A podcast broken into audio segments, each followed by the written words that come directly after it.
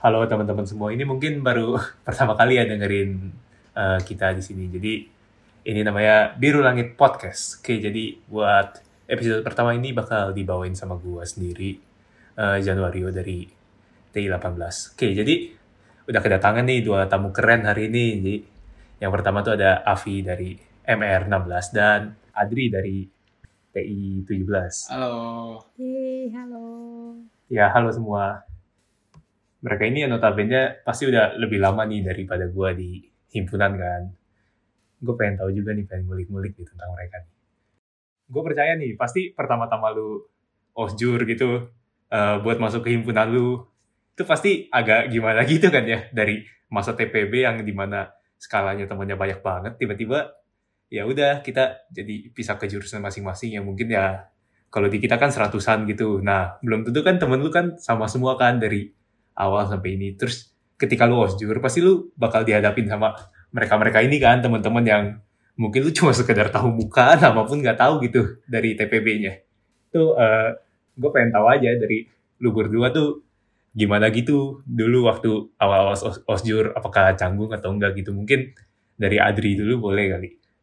Pengalaman waktu osjur ya berarti pertama waktu dapet jurusan ini sih kayak dulu waktu TPB itu sebenarnya gue nggak bergaul sama siapa-siapa gitu. Yuk ya udah anaknya emang ansos gitu. Orang-orang waktu di jurusan gitu lah ini siapa? kayak nggak pernah kenal gitu. Tapi waktu itu gue kebetulan juga lagi kayak diklat diklat gitu buat buat jadi panitia OSKM gitu. jadi mungkin sebelum osjur udah kenal lah kayak beberapa orang dari kayak yang sejurusan oh ini anak anak TI juga oh ini anak MR juga. Walaupun emang sebelumnya nggak pernah kenal sama sekali. Dan emang awalnya waktu osjur gitu sebenarnya kalau gue sendiri kayak lebih ke minder gitu sih yuk kayak minder karena itu tadi karena kenalan gue nggak nggak begitu banyak dan juga kayak apa ya takut aja sih. Maksudnya uh, waktu nanti masuk jurusan oh ini udah punya teman sama ini ini udah punya teman sama ini. Dan era kayak ya udah gue nggak nggak ada teman ngobrol gitu. Gitu. Ya tapi oh, kalau waktu osjur ya ya udah sih coba jalanin aja. Dan jujur aja itu kayak agak sulit sih karena ya emang gue nggak sebebas itu buat ngobrol sama orang kayak seperlunya aja gitu buat ngobrol. Jadi awal-awal pasti masih minder gitu sih. Kalau dari Kavi gue tuh dari gue dulu tuh jadi gue dulu tuh insecure parah orangnya gitu. Parah banget. Sekarang masih insecure tapi lebih jauh bisa dikontrol dengan lumayan baik lah ya.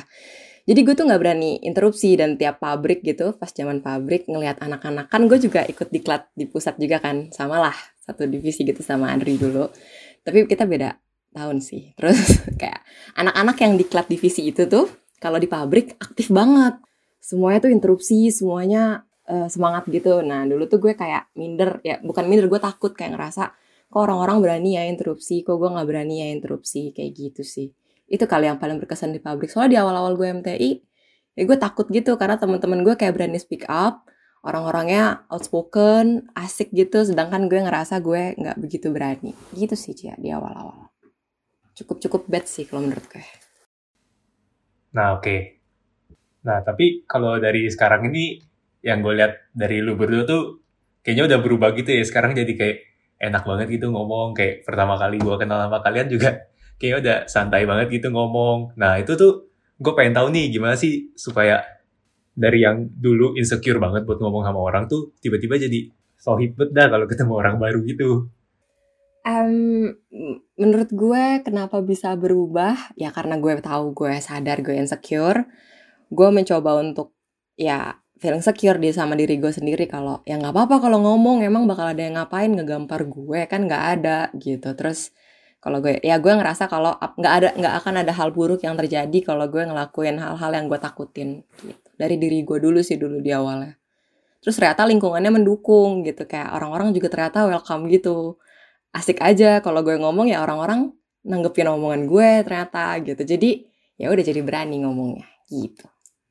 Dari Adri sendiri ya sebenarnya kayak kurang lebih sama sih maksudnya uh, sama Avi gitu. Soalnya kadang-kadang kalau kita takut ngobrol gitu ya sama orang ya misalkan tadi yang kasus gue ceritain kayak gue ngerasa nggak kenal siapa-siapa nih gitu.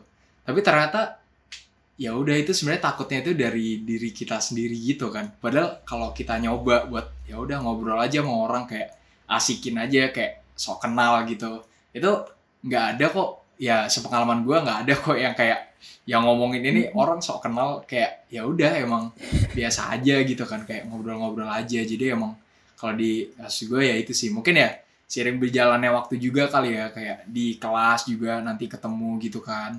Terus uh, waktu osjur juga misalkan kayak duduknya sebelahan awal awalnya kayak duh nggak usah lah ngobrol kayak tapi lama-lama kayak ya udah ngobrol aja apa pun tentang bahasa basi yang ba, ba, sangat basi juga nggak apa-apa dah pokoknya nambah kenalan aja waktu itu sih mikirnya kayak gitu Oh ya, berarti kalau uh, gue tangkep nih dari uh, jawaban kalian berdua tuh jadi kayak sebenarnya tuh penting gitu ya ngebangun kayak gimana ya emotional safety gitu ya. Di sini tuh maksud gue artiannya tuh kayak uh, lu jadi membuat lingkungan tuh dihadapkan dengan suasana di mana jadi seseorang tuh enak gitu buat ngomong apa pun tanpa ditekan oleh rasa takut dan lain-lainnya gitu kan. Jadi supaya jadi enak gitu kan.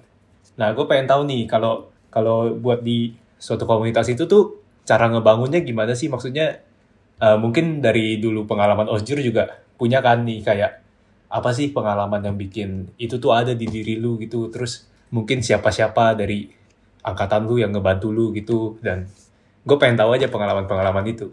Kayak Sabi sih kalau ada mungkin Adri bisa ceritain gitu. Emotional safety ya tadi ya keren bahasanya. Emotional safety. Uh, ini sih kalau kita ngo ngo ngomongnya kan tadi ya udah uh, terbatas di diri sendiri gitu kan gimana caranya biar bisa speak up gitu. Terus kalau misalkan ngomongin tentang emotional safety sebenarnya kepikirannya itu kayak suatu kebutuhan gitu. Kalau uh, menurut gue yo kayak emotional safety itu uh, bukan bu kebutuhan diri sendiri aja tapi kita sebagai satu komunitas nih. Misalkan kalau ya kasus di kita MTI gitu lah ya kalau MTI mau jalan itu berarti ya emotional safety-nya harus ada gitu. Karena sebelum orang mau ngapa-ngapain gitu ya se sebelum orang mau ikut acara sebelum ikut orang mau kayak berpartisipasi dan volunteering dan segala macamnya itu pasti butuh itu ya yang tadi itu. Kayak dimulainya dari berani ngomong ntar jadi kayak berani mengajukan diri jadi jadi sesuatu misalkan.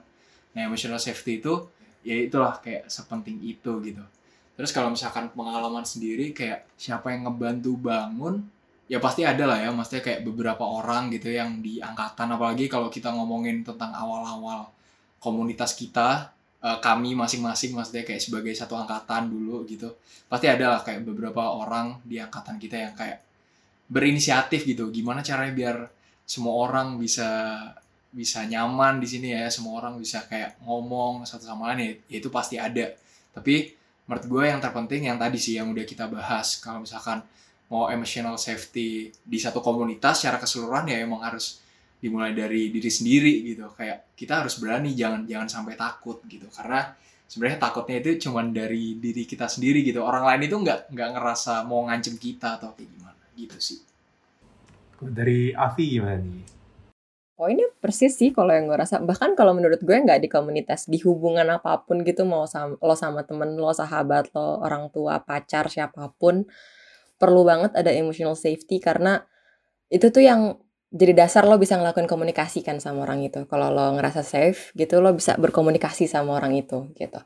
Dan ya udah kalau udah bisa komunikasi itu banyak banget hal yang bisa dilakuin gitu ke depannya. Jadi penting dan dari pengalaman gue orang yang ngebantu tuh uh, dulu sih waktu gue baru masuk MTI gue nggak secerdas itu tiba-tiba oh ya ini harus dari diri gue sendiri gitu. Sebenarnya enggak gitu. Yang bantuin gue tuh kakak-kakak tingkat gitu kayak Kahim dulu suka nanya kayak nanya nama gue siapa terus iya kamu dari mana SMA-nya kayak gitu. Terus itu tuh ternyata efek banget buat gue di dulu kan kalau dulu kan di himpunan ya gitu. Jadi kayak ya datang ke himpunan abis kelas gitu ditanya dan itu tuh ternyata bikin gue ngerasa oh iya orang-orang ini tuh mau ya mengenal gue gitu mau ya tahu tentang gue kayak gue nggak kayak uh, kasat mata gitu. Jadinya ngerasa aman aja buat oh ya kak aku di sini kakak di mana gitu. Gitu sih. Oh ya berarti kalau yang gue tangkep nih emang sebenarnya itu bukan hanya segelintir orang yang ngebangun tapi emang tiap-tiap individu tuh juga harus bisa mengambil bagiannya kan dalam membangun kan event itu. Dia yang ngajakin atau dia pun yang merasa diajak pun dia meresponnya dengan juga baik gitu. Yang penting itu kayak kenapa sih gue harus takut ngomong sama orang gitu kan? Toh juga yang ngobrol-ngobrol aja gitu. Nggak ada salah gak ada benar gitu kan maksudnya. Nah hmm. cuma yang gue pengen tahu nih ini kan kondisinya agak berbeda sekarang.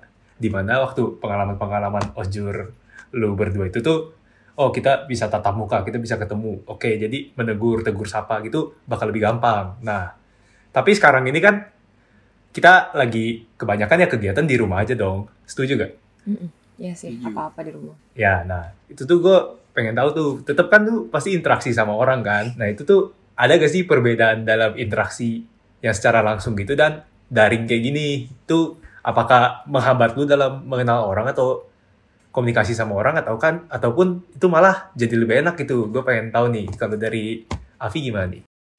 Hmm. Um, gue harus bilang kalau ada jadi kendala gitu karena gue juga bukan orang yang jago ngechat gitu. Biasanya gue lebih uh, bisa ngomong langsung. Jadi online ini tuh bikin cukup terhambat. Cuma yang jadi seru adalah lebih intens aja sama satu orang. Jadi karena komunikasinya uh, dedicated jadi gue misalkan kontak lo yo gitu kan emang ngechat lo terus emang gue mau menghubungi lo gitu. Ya udah gue jadi ngobrol sama lo nya tuh berkualitas gitu. Hanya ada gue dan lo. Cuma ya itu kalau dibilang berkualitas sama lo kita berdua oke okay, tapi ya cuma berdua. Sedangkan kalau normal kan gue bisa langsung kenalan sama banyak orang gitu kan. Cuma buat gue yang ngehambat willingness-nya aja sih. Lo emang harus jadi mau ngehubungin orang itu gitu. Lo harus berani buat nge-reach orang itu dan buat gue totally oke okay buat gue ya. Jadi kayak santai aja gitu. Emang kenapa kalau lo nge-reach out dia duluan? Karena emang normalnya kayak gitu sekarang. Gitu sih. Kalau dari Adri?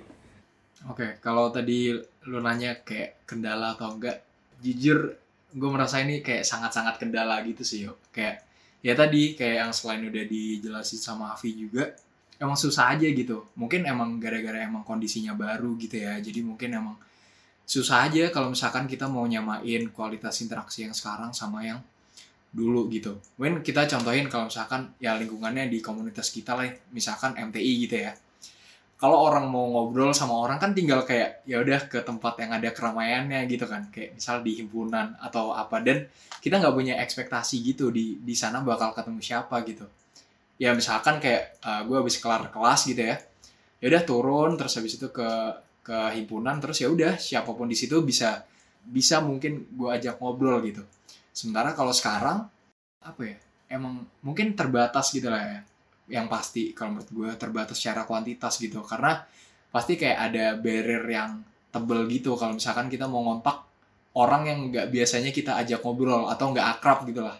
Kayak ya aneh aja tiba-tiba langsung ngechat orang ini misalkan sore-sore gitu. Ngapain gitu kan ya itu sih pasti kalau misalkan yang yang paling beda lah ya. Dan emang ada capeknya juga sih. Capeknya itu dalam artian tendensi kita buat komunikasi di situasi kayak gini tuh seakan-akan misalkan ya misalkan uh, lu ngechat gue nih yuk. Kayak gue udah mikir dulu nih oh ini Rio ada ada perlu sama gue gitu. Padahal kan komunikasi sebenarnya nggak nggak kayak gitu kan. Ya udah kayak biasanya cuman ya udah nanyain aja kabar gitu. Atau ya udah cuman emang basa-basi aja nggak pernah ngobrol terus jadi ngobrol gitu kan. Itu sih sebenarnya yang agak susah.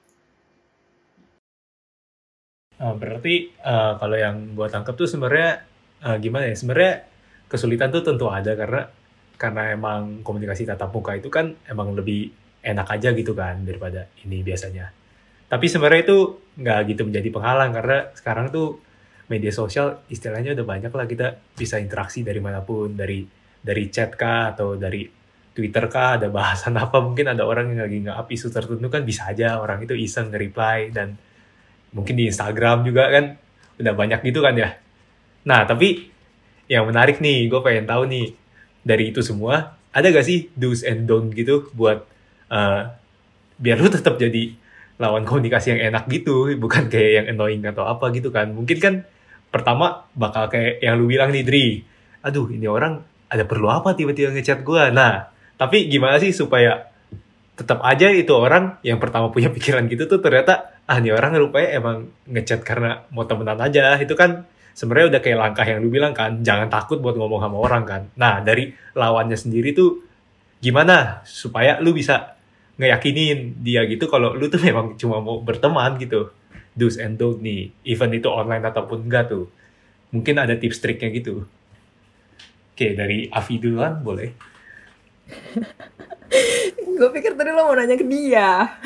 Terus ya gak sih orang kayak udah bau-baunya ke Adri terus eh, gue ada banyak lah ya pasti dosen ya kalau lo sebagai yang nerima informasi gue selalu ngerasa nggak apa-apa banget kalau lama nggak ngechat tiba-tiba ngechat terus minta tolong buat gue nggak ada salahnya sama sekali. Jadi menurut gue itu baik sih buat diterapin sama semua orang. Emang kenapa kalau tiba-tiba ngomong buat minta tolong gitu? Dan itu komunikasi gitu.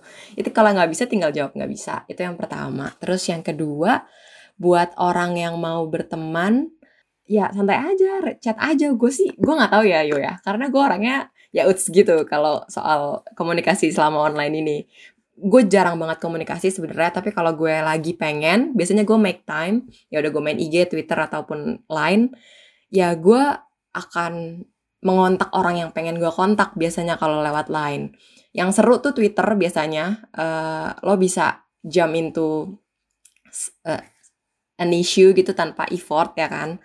Nah yang nggak boleh mungkin gue nggak tahu sih yang nggak boleh tuh ada apa nggak. Yang nggak boleh tuh mungkin um, yang boleh aja deh, yang harus deh ya, be genuine, be sincere.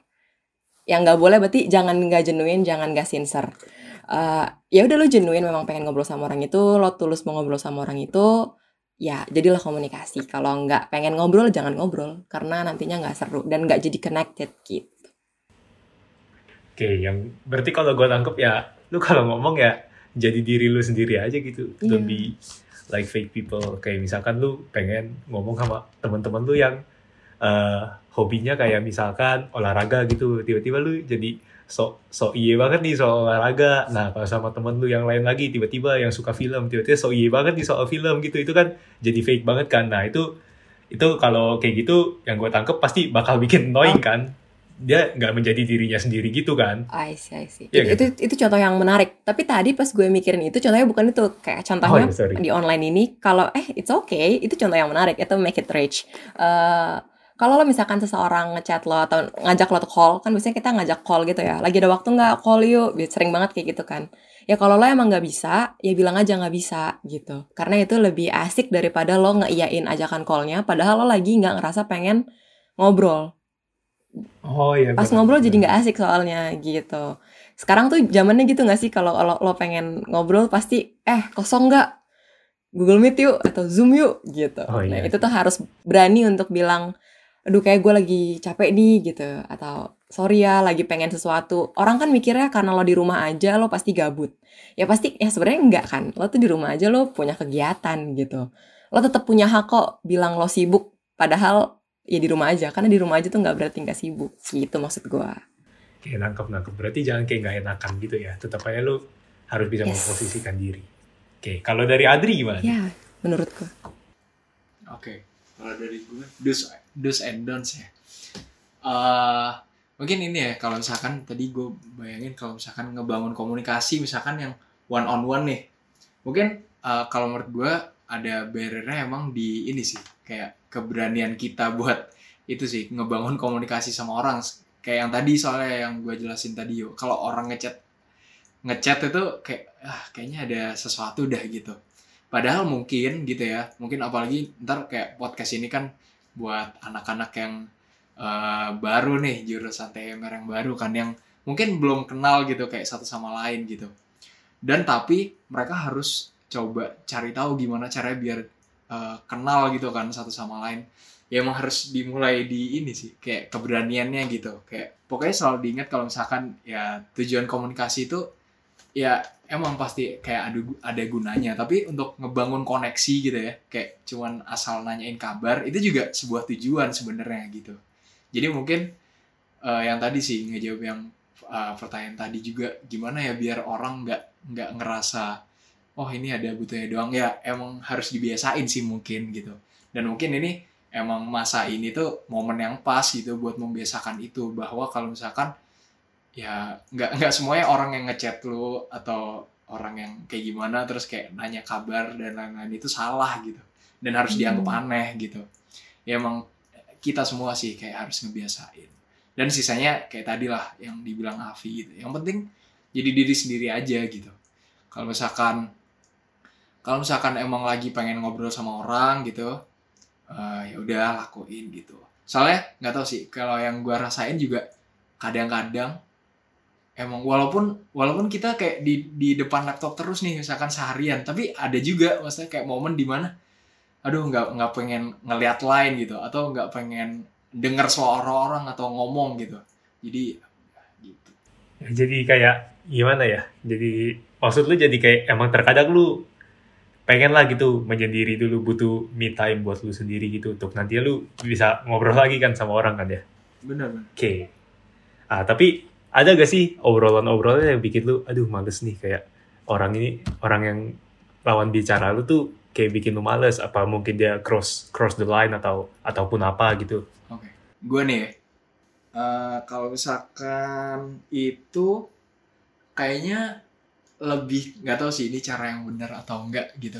Tapi eh, kalau misalkan gue pribadi eh, yang itu tadi sih kayak mungkin gue kayak jadi agak sering apa ya misalkan kayak ngechat orang misalkan walaupun gue sebenarnya nggak nggak lagi butuh apa-apa gitu kayak ya udah kayak nanyain aja kayak kabar gitu atau lagi sibuk apa toh mungkin salah satu manfaatnya adalah ketika kita emang lagi butuh sesuatu gitu bisa lebih gampang gitu. Kalau misalkan orang itu nanti mau ngebantuin kita gitu. Jadi kayak itu tadi sih kayak mungkin ngebiasain nggak cuman ngechat orang atau ngehubungin orang kalau misalkan ada perlunya doang gitu sih. Itu mungkin bisa mengikis barrier gitu. Dan juga ya pas pastilah kayak pemilihan kata-kata dan itu ya itu default lah pasti harus harus dipertimbangkan juga. Gitu. Oke, berarti sebenarnya kalau percakapan tuh harus kayak ya lu tetap harus mikirin juga kan. eh, ini orang nih eh, gue hubungannya mungkin agak belum gitu deket sama dia, gue harus perhatiin juga kata-kata gue. Terus yang ini lu harus juga ngerti kan kayak orang-orang tuh harus diperlakukan tuh kayak gimana masing-masingnya. Yang gue tangkap itu sih. Eh, sebenarnya gue masih pengen ngobrol-ngobrol, tapi kayaknya untuk podcast hari ini kita harus udahin dulu nih. Eh, mungkin kita bisa ketemu di lain waktu ya oke Sabi. sama teman-teman yang ngedenger juga nih sabi banget kalau masih pengen ketemu lagi sama kita nanti bisa cari kita di himpunan Eits. makanya ikut jujur. Sabi, closingnya menarik. Thank you ya Avi sama Adri Yay. Yo. Thank you.